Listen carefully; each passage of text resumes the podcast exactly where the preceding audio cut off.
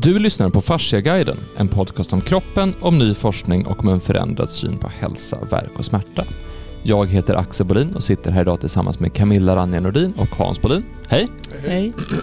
Eh, idag ska vi prata om Carla Stecco och hennes brorsa Antonio också kanske. Nej, vi ska prata mycket om de här nya upptäckterna om den cellen, fasciacyten, och hur den producerar vätskan eller grundsubstansen i kroppen. Vi ska prata om fibroblaster, de som producerar kollagen. Vi ska prata om hormoner och framför allt kvinnliga könshormoner och hur de bygger om kroppen.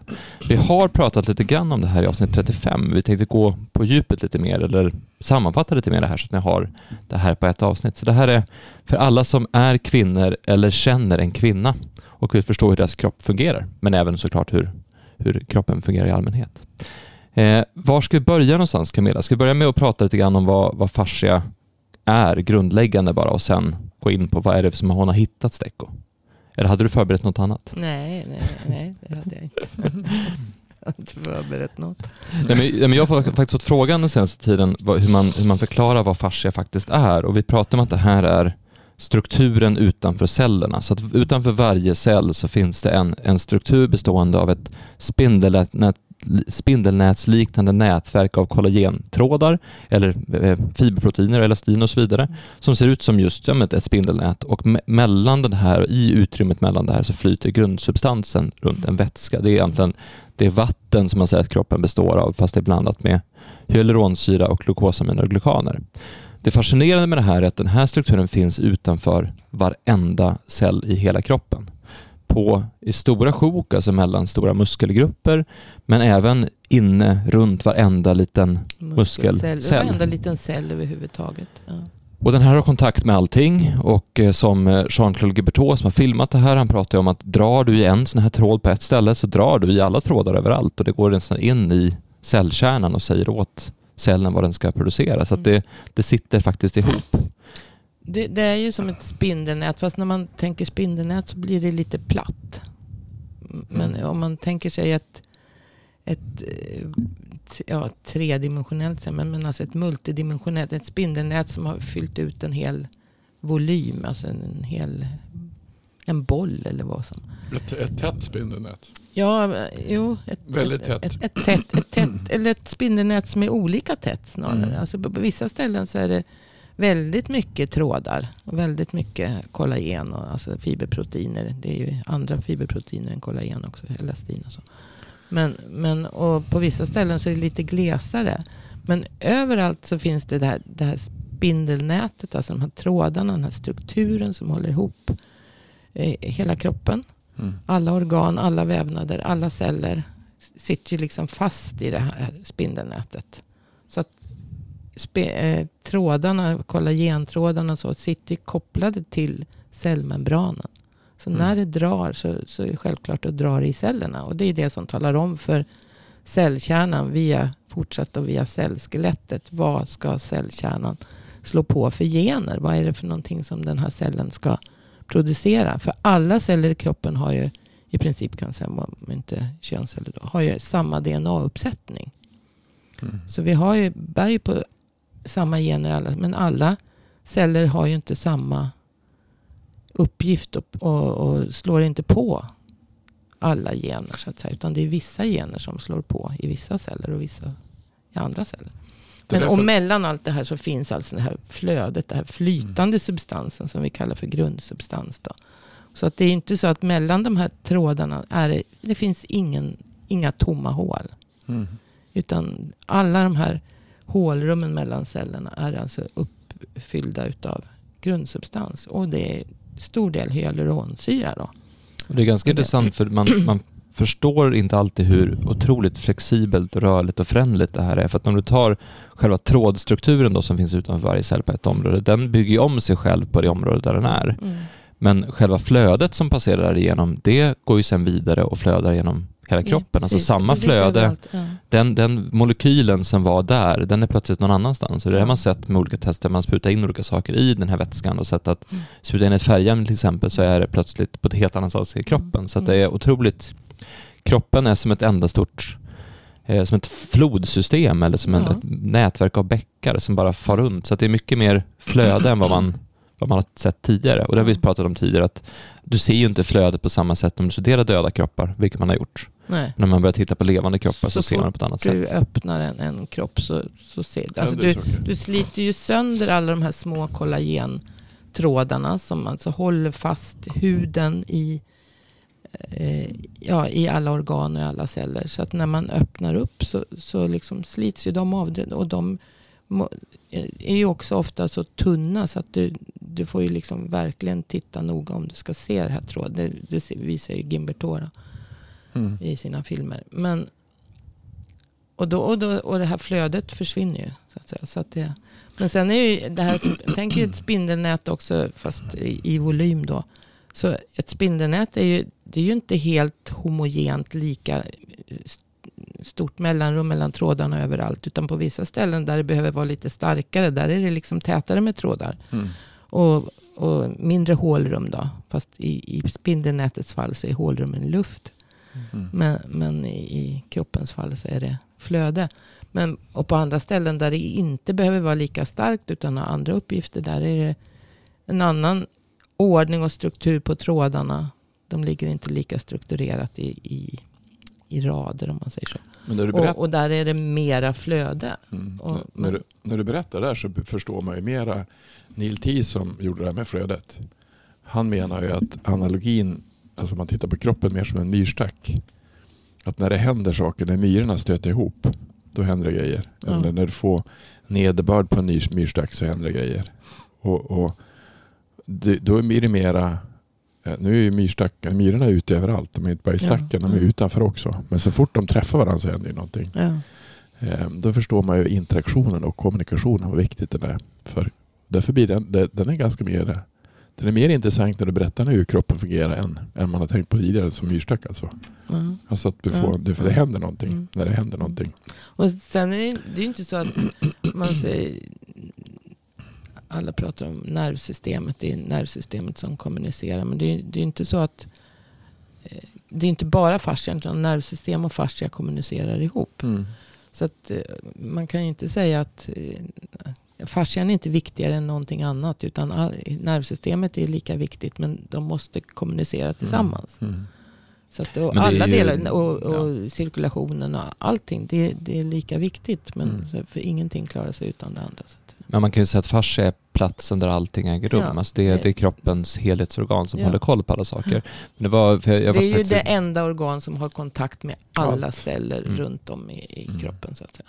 Jag fick faktiskt en fråga igår kring, eh, jag varit intervjuad igår om, om olika, om just det här med fascia och fasciaforskning och vad som har hänt. Och så var det vilka olika idéer som vi har som, som är i vägen för att förstå det här. Men en, en sån sak som vi gärna bär med oss och som vi tror på nästan instinktivt är att vi tror att besluten tar, tas från huvudkontoret. Ja. Mm. Att det är centralmakten som bestämmer. Mm. Oavsett om det är i en hierarki i ett företag eller i en stat eller i en, en grupp eller i kroppen så tror vi någonstans att allting som, alla signaler skickas ut från hjärnan och hjärnan håller koll på allting. Mm.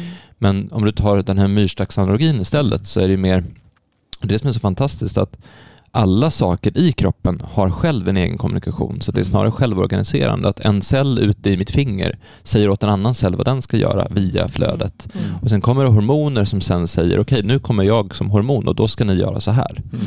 Och då säger någonting annat, nu ska vi tillverka mer hormoner. Så att det här sker precis hela tiden överallt i hela kroppen. Och det är inte ens säkert att, att det här registreras eller has koll på av, av centrala nervsystemet jämt. Så det, det är mycket mer, det är mycket mer eh, självorganiserat eller decentraliserat än vad vi, vad vi tror. Och det är också därför det funkar så fruktansvärt snabbt. För det ser man ju även bland människor att decentraliserade organisationer kan jobba mycket mer snabbt och mycket mer anpassningsbara och mycket mer flexibla. Mm. Mm. Eh, och så fungerar kroppen också. Men det, det blir som embryologi så blir det så att om du tar stamceller. Stamcellerna blir ju det de är utifrån där de är. Ja, men precis. Så att det, blir, det är ungefär som man skulle säga att stamcellerna de bestämmer att hjärnan ska bestämma vad stamcellerna ska bli för. Men det är ju stamcellerna, det är var de ska vara som bestämmer hur det ska vara. Det, det är ju så att säga Så- det, omgivningen, miljön som exakt. de lever i som talar om vad det är de ska... Och då säger ju Gimbertot säger så här att det här är ett helt, det är ett nytt paradigmskifte. Vi trodde det fanns lager i kroppen, det finns inga lager. Vi trodde att det var ordning, det finns ingen ordning. Det är organiserat kaos alltihopa. Och Neil Thiesson säger så här, nu har vi ett sätt att se på en levande kropp och det ser inte ut som vi trodde. Mm. Så att man är ju på spåren på, på någonting Mm. spännande på forskningshåll och så sen så, men då jobbar man inte riktigt med att sammanställa allting heller, vilket vi har jobbat mycket med. Men, men en person som vi har tagit väldigt mycket inspiration av är just Carla Stecco. Eh, och då tänkte jag vi kan prata om de två upptäckter som hon presenterade framför allt då 2018 och verkligen bena igenom dem. Men sen har du läst en hel del annat av Stecco. Mm. Så om jag, om jag berättar om 2018 och 2000 av dem så kan du liksom fylla i vad som har förändrats sedan dess. Ska vi säga så? Mm. Fast jag tror att det, är så, det, som, det som man ska förstå egentligen som, som vi tittar på nu, för vi kollar på bröstvävnad så att vi tittar på, eller hur stort hålrummet är. hur ser det egentligen ut? Och det ser olika ut på olika ställen. Det man måste förstå, tror jag, som man inte kanske förstår, de, de flesta inte förstår, det är att om, om jag, jag satt och lyssnade på ett med Patricia Keeley till exempel, en forskare. Hennes föredrag som är på en kvart, det kanske var 15 eller 20 forskningsrapporter. Mm. Alltså det, det är så fragmentariskt så att om du lyssnar, om vi tar, om vi tar vi börjar med, vi körde Vi- Vibekes, när vi, hennes föredrag på tre timmar. Det kanske var 300 forskningsrapporter. Så det, det, det svåra egentligen med, med den vetenskapliga paradigmet som finns, det är att all forskning är så otroligt specialiserad. Så så fort du ska sätta ihop det, och det är verkligen att sätta ihop ett, ett spindelnät eller ett pussel, det en massa saker som, som är svåra att eh, få någon kontext i. Därför att allting är så otroligt specialiserat. Och det som jag, det jag tror Gimberto menade, eller som, som vi tog upp så, som Per menade, och från början i filmen och allt vi har gjort innan, det är att det svåra är att det är så många, om, om vi tar eh, kemi eller nu Nobelpris i klickkemi, alltså det, det, det, även i, i det blir det inte tagit med helhet. Det är inte tagit med Mm. fysik, flöde, kommunikation. Alltså det, det, det är inte, utan man forskar på sin del och man Mm. förstår som ett sambandet. Och därför blir ju fascia och fasciaforskning väldigt intressant för det kommer komma väldigt många olika specialister Mm. att börja prata med om olika saker. Som, jaha, är det så det? Som du tar, om du tar det här med, med, med, med, jag tog upp det, alltså farten i kroppen. Alltså nervsystemet går med 50, 100, 50 till 200 meter per sekund hittar jag. Ja, hun- 100, 130. 130, ja men då ska jag, 50 till 130 eller ja, typ. Ja, Men- alltså de snabbaste när...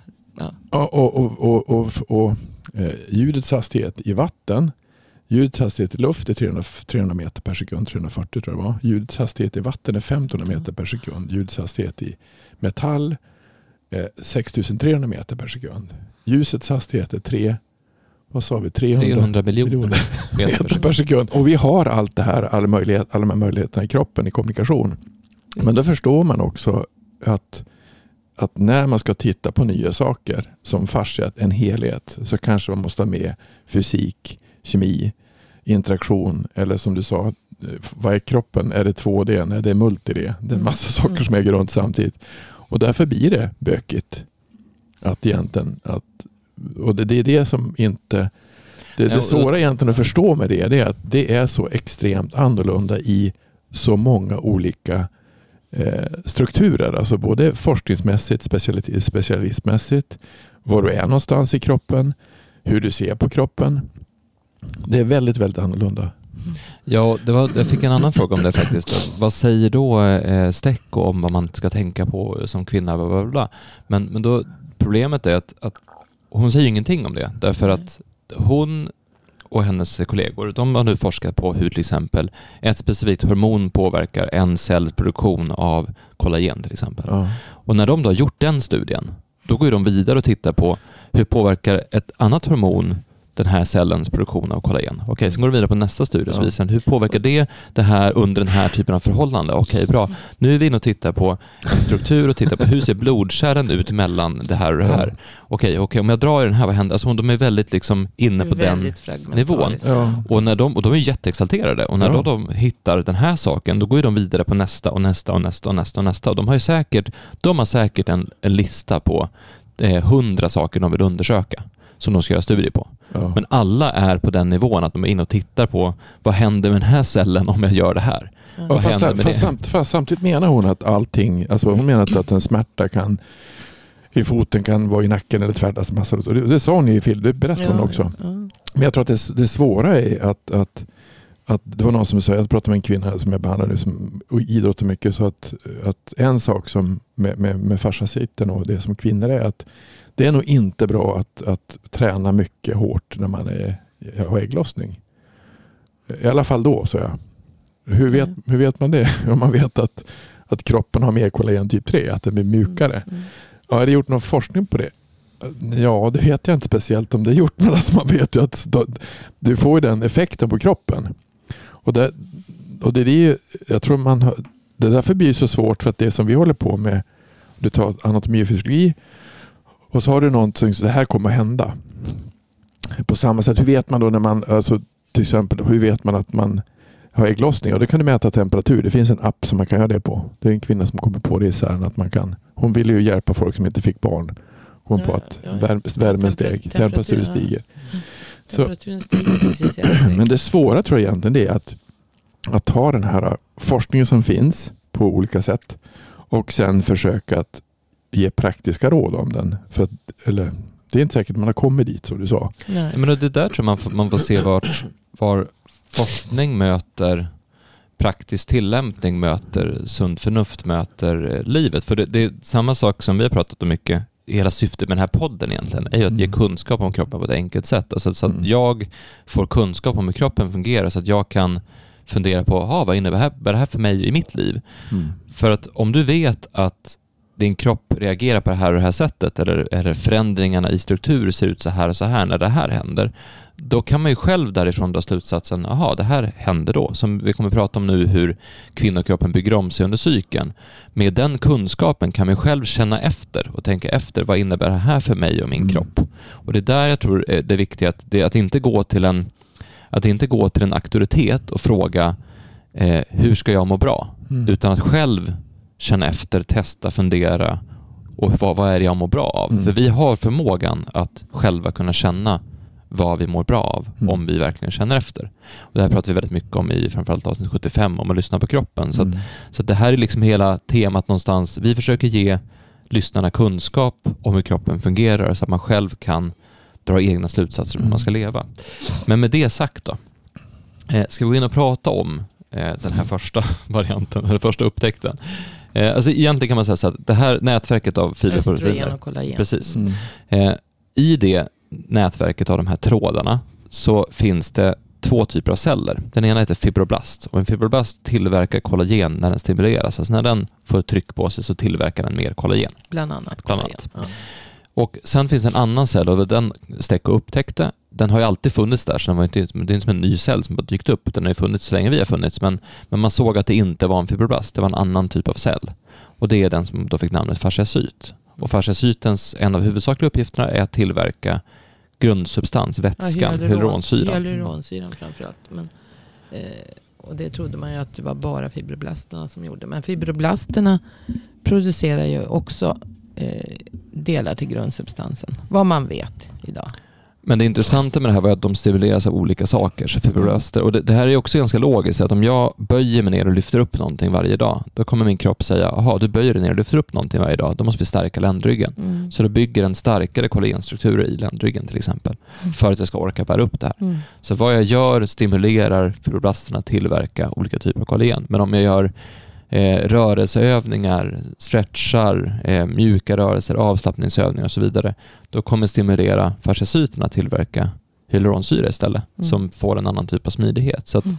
bero, vad vi gör aktiverar olika typer av celler och får dem att tillverka olika typer av saker. Mm.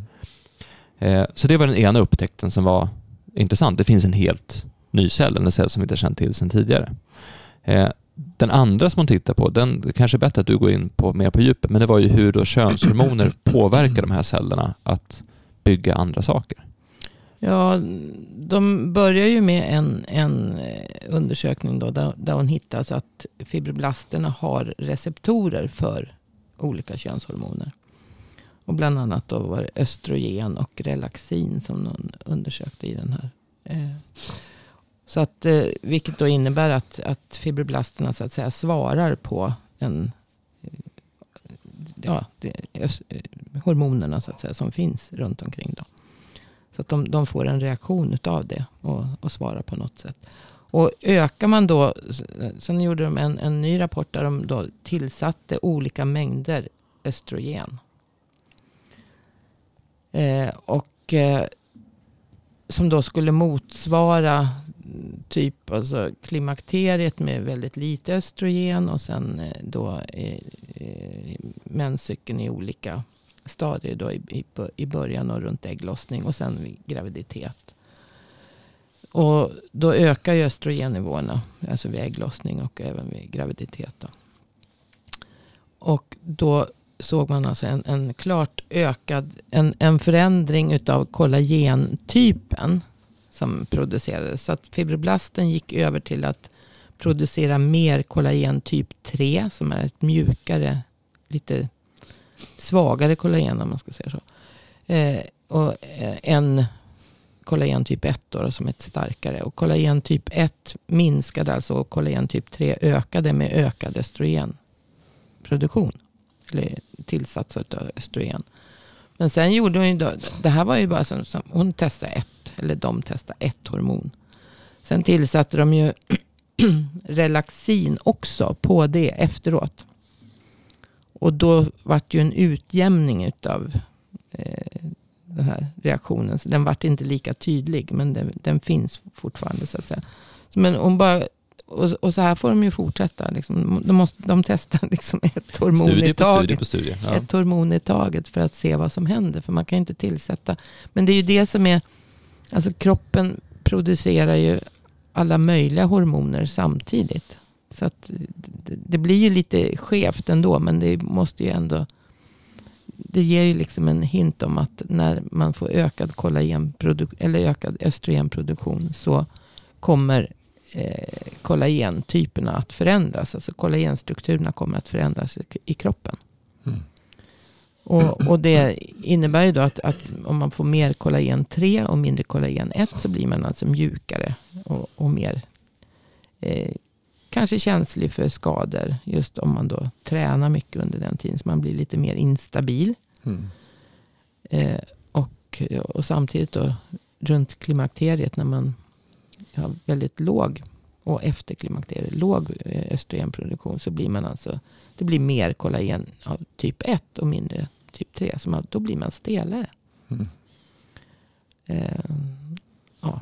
Och, och, det här blir egentligen, då, då, kan vi säga att det här händer, men sen mm. varför kroppen gör så eller så, det ger ju inte forskningen något svar på, men, men det är ju inte, om man tänker utifrån ett perspektiv att kroppen ska förbereda sig för att kunna bli befruktad, mm. det är klart att den kanske har en annan typ av mjukhet och mer finstämmig eh, intern kommunikation. Alltså kanske inte konstigt att trådarna ser annorlunda sen, ut. Sen måste väl kroppen och, och alltihopa bli mjukare och hänga med just vid en graviditet för mm. att forma om sig och så. Samtidigt som man då också riskerar att bli mer instabil.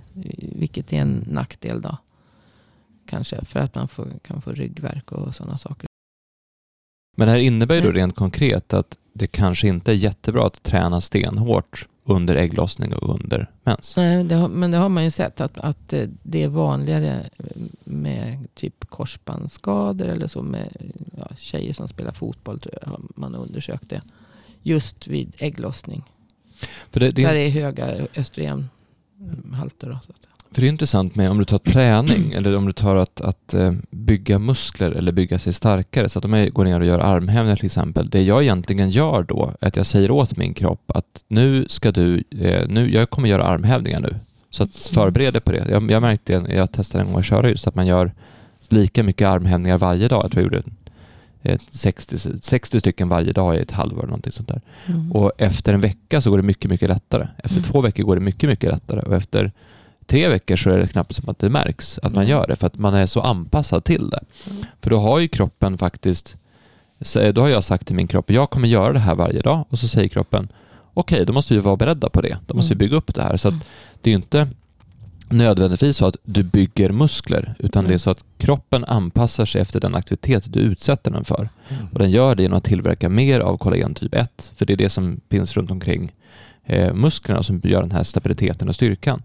Så att om du håller på och styrketränar och bygger kollagen typ 1 samtidigt som din kropp som kvinna håller på att göra mer kollagen typ 3, och ombilda 1 till 3, då blir det som en kontraeffekt egentligen. Så det, så det blir svårt att bygga det blir svårt att bygga kropp eller bygga styrka under en ägglossning eller under mens. Ja, jo, men precis. Det borde vara så. Mm. Det borde vara så. Ja. Sen så finns det säkert någon som upptäckte att det gick jättebra. Så det, det är ju också individuellt på det Nej, sättet. men, men, men i vilket fall som helst så har man ju sett att skadefrekvensen ökar ju- just vid höga östrogenhalter. Så att det, så långt är det liksom. Men det som är lite, också lite fascinerande är ju att vi har inte byggt ett samhälle som tar hänsyn till det. Att det finns en cykel. Nej. För det var ju som KM berättade att eh, de har gjort tester på, eh, hon barnmorskan som är med i avsnitt eh, 9 till 12 om det, för den som inte vet. Mm. Eh, hon berättade att man har gjort tester på kvinnliga chefer som har eh, möten under ägglossning. Och de får mycket mer, eh, Mycket mer gjort. får mycket mer gjort. Alltså, de, de, de, de blir lyssnade på på ett annat Mm. sätt. Och, eh, folk är mer medgörliga när de har ägglossning. Medan när de har mens är det precis tvärtom. Mm. Så att det, igen, det, var, det finns kvinnliga entreprenörer som faktiskt har byggt sin mötescykel på att ha Bra möten. viktiga med- möten under ägglossning. Inga möten alls under mens.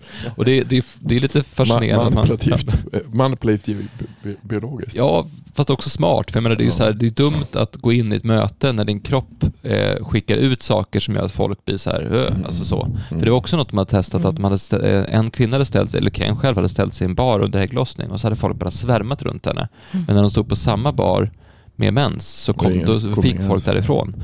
Och det, det ser man ju någonstans hur, hur men mycket alltså, ljud det är fortfarande. Det, ja, men det är ganska, det är, alltså, det är ganska, det är fascinerande hur, hur lätt det är att bli gravid.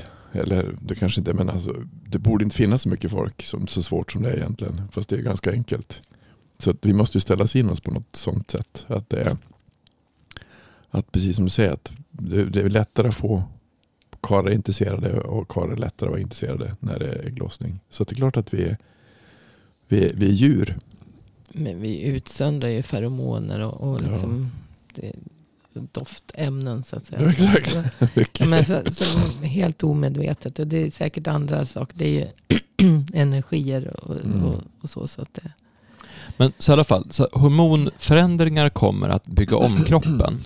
Och det här är ju då en, en teori som jag har sett belägg för från erfarenhetsmässigt, alltså från case som jag har sett och så vidare. Och någonstans är det att om du som kvinna har en, en obalans i kroppen, att du har ett snedställt bäcken eller att du har en dålig hållning eller du har en stressfull miljö eller du på något sätt inte mår optimalt Mm. då kan den här förändringen som äger rum varje månad, att den blir, den blir jobbig att gå igenom. Alltså är att förändra en kropp som är under belastning. Eh, men skulle du säga att den, för det, det har jag hittat belägg på just i kvinnor som kommit på behandling, jag har sett i, lagt ihop ett plus ett och frågat folk och så vidare. Men, men finns, det, finns det den typen av belägg i Steckos forskning eller undersökningar? Är det, en, är det en rimlig slutsats att tänka att det blir problem att bygga om en kropp som är under belastning? Jag vet inte om hon skriver någonting om det i någon rapport direkt. Men alltså det, det är ju bara att tänka att, att en kropp under belastning, all stresshormoner och allt, allt sånt. Hur, hur det påverkar fascian. Mm. Det har vi ju pratat om förut med socker, ökade sockernivåer och sockerinlagring. Och, och det ihop med det här måste ju naturligtvis Just det, för har du, komplicera hela. Mm. Så, så att eh, alla hormoner påverkar ju fascian på något sätt. Alltså alla hormoner påverkar ju. För har du socker i vävnaden så kommer alltså i, har du sockermolekyler i fascian så kommer det Ja. bli svårare att bygga om, för det är för, klibbigare. för då kommer alltså, socker, socker i vävnaden, ja, som jag har sagt förut, det blir sockerbindningar. Alltså det blir tvärbindning. Det ska finnas vissa tvärbindningar mellan Mm. kollagentrådarna så, som gör att de blir mer stabila och inte bara glider. eh, Ja, tänk liksom trådar som är helt fristående glider ju bara helt eh, ifrån varandra så att säga. Och för att de ska bli mer stabila så, så finns det då så kallade tvärbindningar. Som är då normala tvärbindningar som byggs med enzymer. Bland annat C-vitamin inblandat där. Men då finns det ju då sockerbindningar som är onormala eller sjukliga tvärbindningar. Som alltså klibbar ihop hela, hela fascian i alla, alla de här trådarna. Vilket gör att det måste bli jättesvårt att, att få den här ombyggnaden. kollagen 3 har väl inte lika mycket tvärbindningar så att säga. Som, men, men om det, jag vet inte hur, skillnaden mellan eh, sockerbindningar i kollagen 1 och, och 3 och, och, så. Men, men det blir helt klart fler tvärbindningar och en klibbigare, mer hopsmetad eh, orörlig fascia med eh, socker i vävnaden. Och då måste ju det försvåra. Och sockret kommer inte bara av att Alltså- äter socker. Dels är det det, alltså att du Ja, ätit så mycket stress. socker, Ja, men men, också stress. stress för kroppen bryter ju ner vävnaden för att bilda öka glukoshalt. Och det här har jag sagt förut. Det är ju normalt då på, hos djur så fungerar det ju så fiffigt att den här ökade glukoshalten vid stress, alltså när kortisolet Mm. bryter ner och, bildar mer glukos. Då gör ju djuren om det till C-vitamin Mhm. i, i, i levern. För att C-vitaminet så att säga skyddar mot stressen. Mhm. Så att det, men den funktionen har ju inte vi, i alla fall inte de allra flesta människor. Mm. Jag, jag tror faktiskt att det finns folk som bildar C-vitamin. Tror du det? Tror det. Mm. Jag tror att det, det finns teorier om det. Och sen som sagt att man Men med När man- oli, olivbladen. när man tar eh, alltså stress som sådant. Alltså det, det låter ju så naturligt. Stress.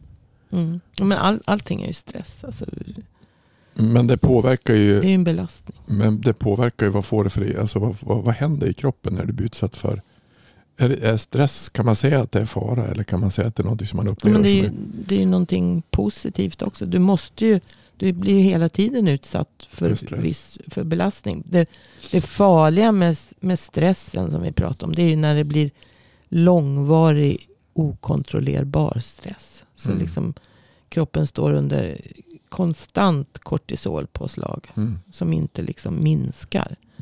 För normalt, alltså vi måste ha kortisolproduktion och, och binjurar, binjurbarken producerar kortisol hela tiden i varierad mängd. Och den, den är ju som mest på morgnarna innan vi vaknar precis. Men, men det, då, det här är ju för att vi ska klara av det vi gör under dagen. Mm. Men, men sen om det blir höga nivåer som aldrig går ner. För att vi aldrig slappnar av. För att vi aldrig liksom kommer ner i parasympatiska. Och med en hög vaguston och allt det där som Mm. vi pratar om. Så, och aldrig alltså slutar andas och, och, och bara ytandas. Och, då kommer ju kroppen må jättedåligt Mm. utav, utav det.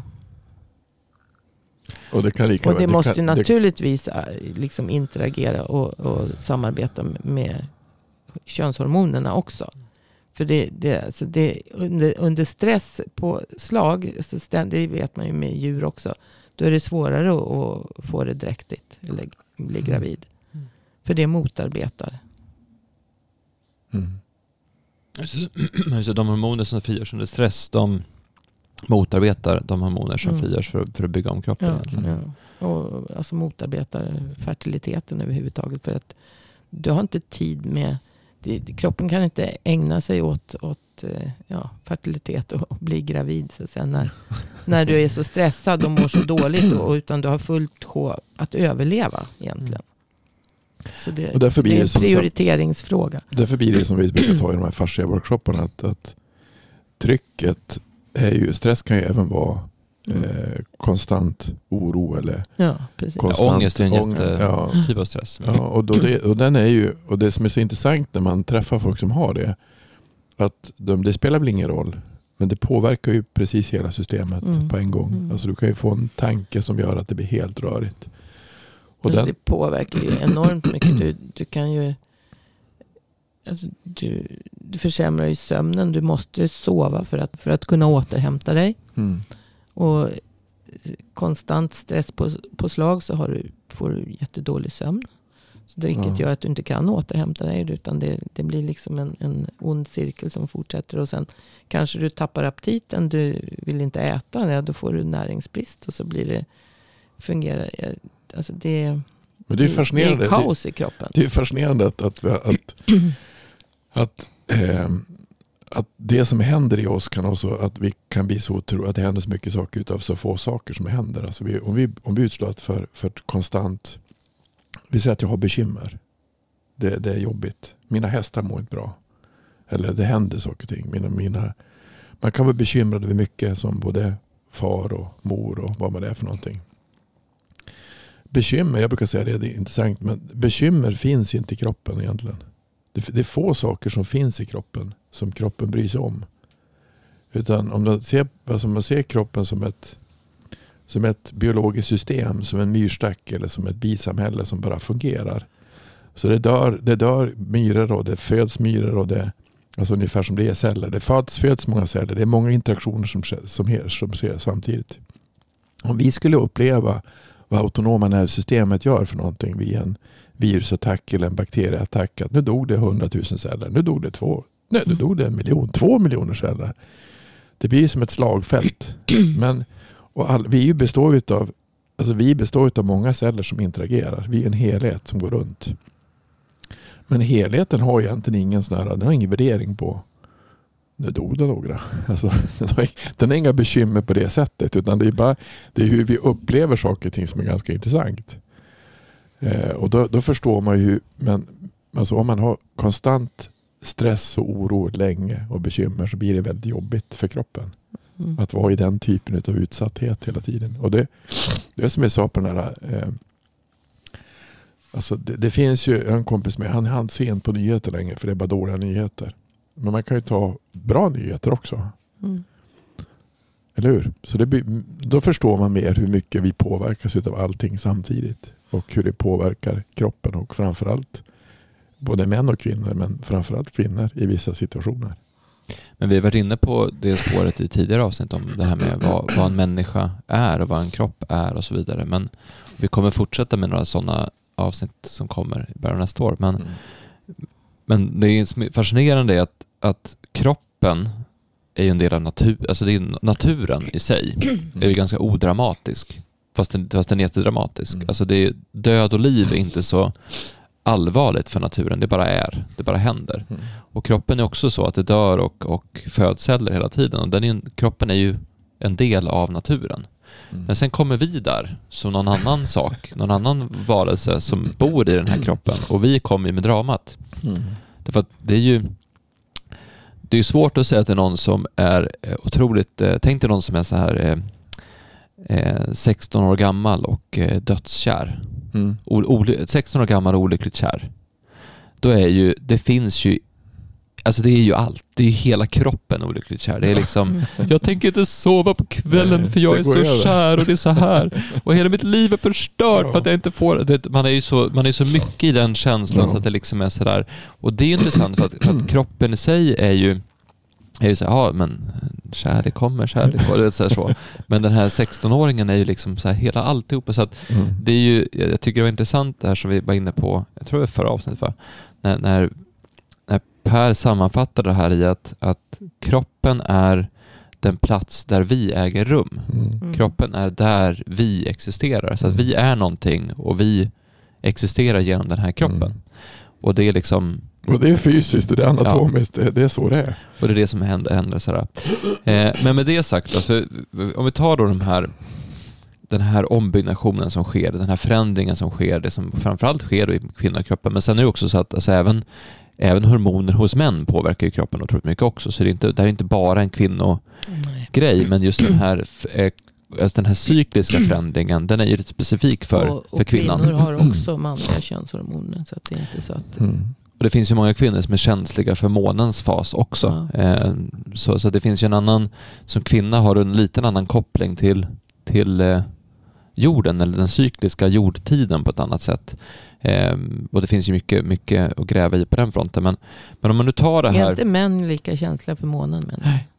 Det, nej, men det, det finns, eh, nu behöver inte, det blir ett helt annat sidospår, men det finns ju eh, ganska många studier som pekar på att, att män är mindre jordade på något sätt. Mm. Man är mer mm. uppe, det, det, det, finns, man pratar om apolloniska och dionysiska sidor och man pratar om, ja det finns massa studier egentligen genom historia på hur män och kvinnor faktiskt är biologiskt olika och reagerar på olika sätt mm. på olika saker rent, rent fysiskt. Man har ju också det här med eh, hur att kvinnor har ett seende, en multitaskingförmåga eh, i ett rum eller i ett, eh, Mm. sådär på ett annat sätt. Ja. Det här, man har ju skämten om att mannen öppnar kylen och bara var är den? Och så sen stänger man kylen och så öppnar kvinnan men den är ju där. Alltså det finns den, den där ehm, och det, det gäller såklart inte alla män och alla kvinnor men det finns en, en, någonting ja, generellt ja, där ja, såklart. ja. Eh, men det, det, vi kanske ska göra ett avsnitt sen om män och kvinnor och fascia. Mm. Eh, men, men vi får ju ofta frågan, men vad ska jag göra då? Vad ska jag göra om jag ska underlätta det här? Och som kvinna då har vi sagt den första biten är ju att du inte ska ha hård fys- fysisk styrketräning under ägglossning och mens. Precis, de dagarna kan man ju ta det lite lugnare kanske. Och vara försiktig. så- Och det är ju faktiskt många eh, idrottare gjort att de har lagt upp sitt träningsschema enligt cykeln och fått fantastiska resultat ifrån det. Eh, Det kommer ju mer och mer forskning på det nu också. Så att, men, som knyter an till det här som Stecco har. Fast det är ingen som direkt kanske tänker fascia utan de tänker senare ligament. mm. Mm. Och om du ska ha en så smidig omställningsperiod som möjligt så ska du ha så lite socker som möjligt i systemet. Mm. Och så lite socker som möjligt i systemet får du med att för det första inte äta socker. Alltså Mm. undvika att äta Mm. socker. Och för det andra undvik stress. Det är lättare sagt än gjort det. Ja, det är det. Men, men, men det är sånt grundsaker. Eh, och så sen så som det vanligaste till att du får vila och, och djupandning och bra sömn och att du har kul och att, att de här positiva sakerna du får av att göra saker du tycker är roligt. Det är här allmänna tips som jag brukar ha. Mm. Men sen så för, för just att hjälpa till med kollagenombildningen, hyaluronsyreproduktionen och så vidare så, så är det ju bra att ta till exempel C-vitamin eh, Mm. för att just stödja upp den, motverkar ju stress på ett annat sätt. Alltså Eh. alla anti- C-vitamin och, och selen. Alltså för att motverka stress. För sen har du även, glutation är ju, är ju väldigt Mm. populärt, eh, framförallt nu i USA börjar komma. Mm. Eh, och där har det också, vi har inte pratat så mycket om vad glutation gör i kroppen, förutom att det är en kroppens egna eh, antioxidant kan man väl säga. Men, men vad, för jag, Det- jag fick höra att glutation är en sån sak som gör att allting annat tas upp bättre. Ja, jag vet inte vad ett tag sedan jag läste om glutation. Men, men det, det är i alla fall eh, en eh, väldigt kraftfull, eller kroppens mest kraftfulla antioxidant som cellerna bildar själva så att säga. Och samarbetar med C-vitamin. Och, Men, Och- men och- varför tar du glutation? ja, för att minska eh, påverkan av stress på kroppen. Mm. Eh, och jag, så att jag tar det ju inte kanske varje dag. Ja, så jag slarvar lite. Men, men jag tar mer när jag känner mig. Alltså har jag sovit, då, det gäller ju C-vitamin och allting. Har, har jag sovit dåligt så tar jag mer C-vitamin och glutation. när jag börjar känna mig sjuk så tar jag mer glutation och C-vitamin. För att jag, alltså då är kroppen under en större belastning och behöver mer. Mm. Och man kan ju märka att, att C-vitamin, alltså man behöver väldigt mycket C-vitamin när man blir stressad. Mm. För sen var det ju också Och resveratrol och, dåligt. och quercetin. Ja, Eh, ja, det- och vad, vad var det som det var bra för? Resveratrol, ja, det är också antioxidanter. Och de, de har ju då den här fytoestrogena effekten. Så att de har ju en, en eh, es, östrogenliknande effekt på kroppen också. Så att där var det ju bra att ta dem typ under klimakteriet. För att eh, få en liten ökning utav östrogennivåerna då när östrogennivåerna sjunker. Och då kan och man, då kan man, mellan- min, då kan man min, dels så, så har de ju massor med positiva effekter just som antioxidanter. Att de alltså minskar sjuklighet överhuvudtaget. Men eh, precis som C-vitamin väldigt liknande. Det finns massor med forskning på eh, cancer och allt möjligt. Men, ehm, men just att, att det minskar, minskar eh, ja, bi, biverkningarna vid klim, klimakteriet så att säga. Utav den låga östrogenproduktionen så kan man få, få upp den lite grann då, då utan.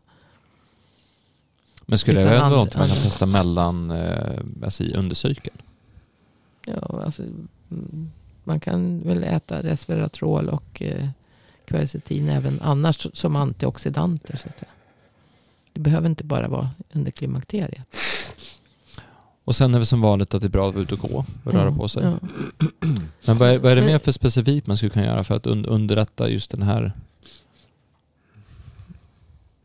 Underlätta. Ja, om, Eh, alltså, om- som, som kvinna, din kropp byggs om under, under cykeln hela tiden. Vad, vad gör du för att hålla? alltså, rörelse överhuvudtaget. För rörelse, Stecco har ju visat att, att rörelse i, i kroppen eh, stimulerar ju bildningen utav hyaluronsyra. Och hyaluronsyran är ju till för att få alla lager, om vi nu ska prata lager som egentligen inte finns då, men det är ju ändå skikt så att säga som, en, som hänger ihop. Men, och muskelfibrer och muskelgrupper måste kunna röra sig relativt friktionsfritt mot varandra. Det är ju det som gör att vi blir rörliga och smidiga. Och är det då för, för dålig fri- eller för mycket friktion så att alltså det, hyaluronsyran har, har tjocknat eller är felkomponerad så att säga.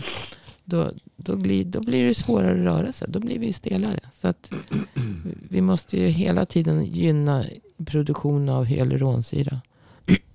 Och det har ju visat.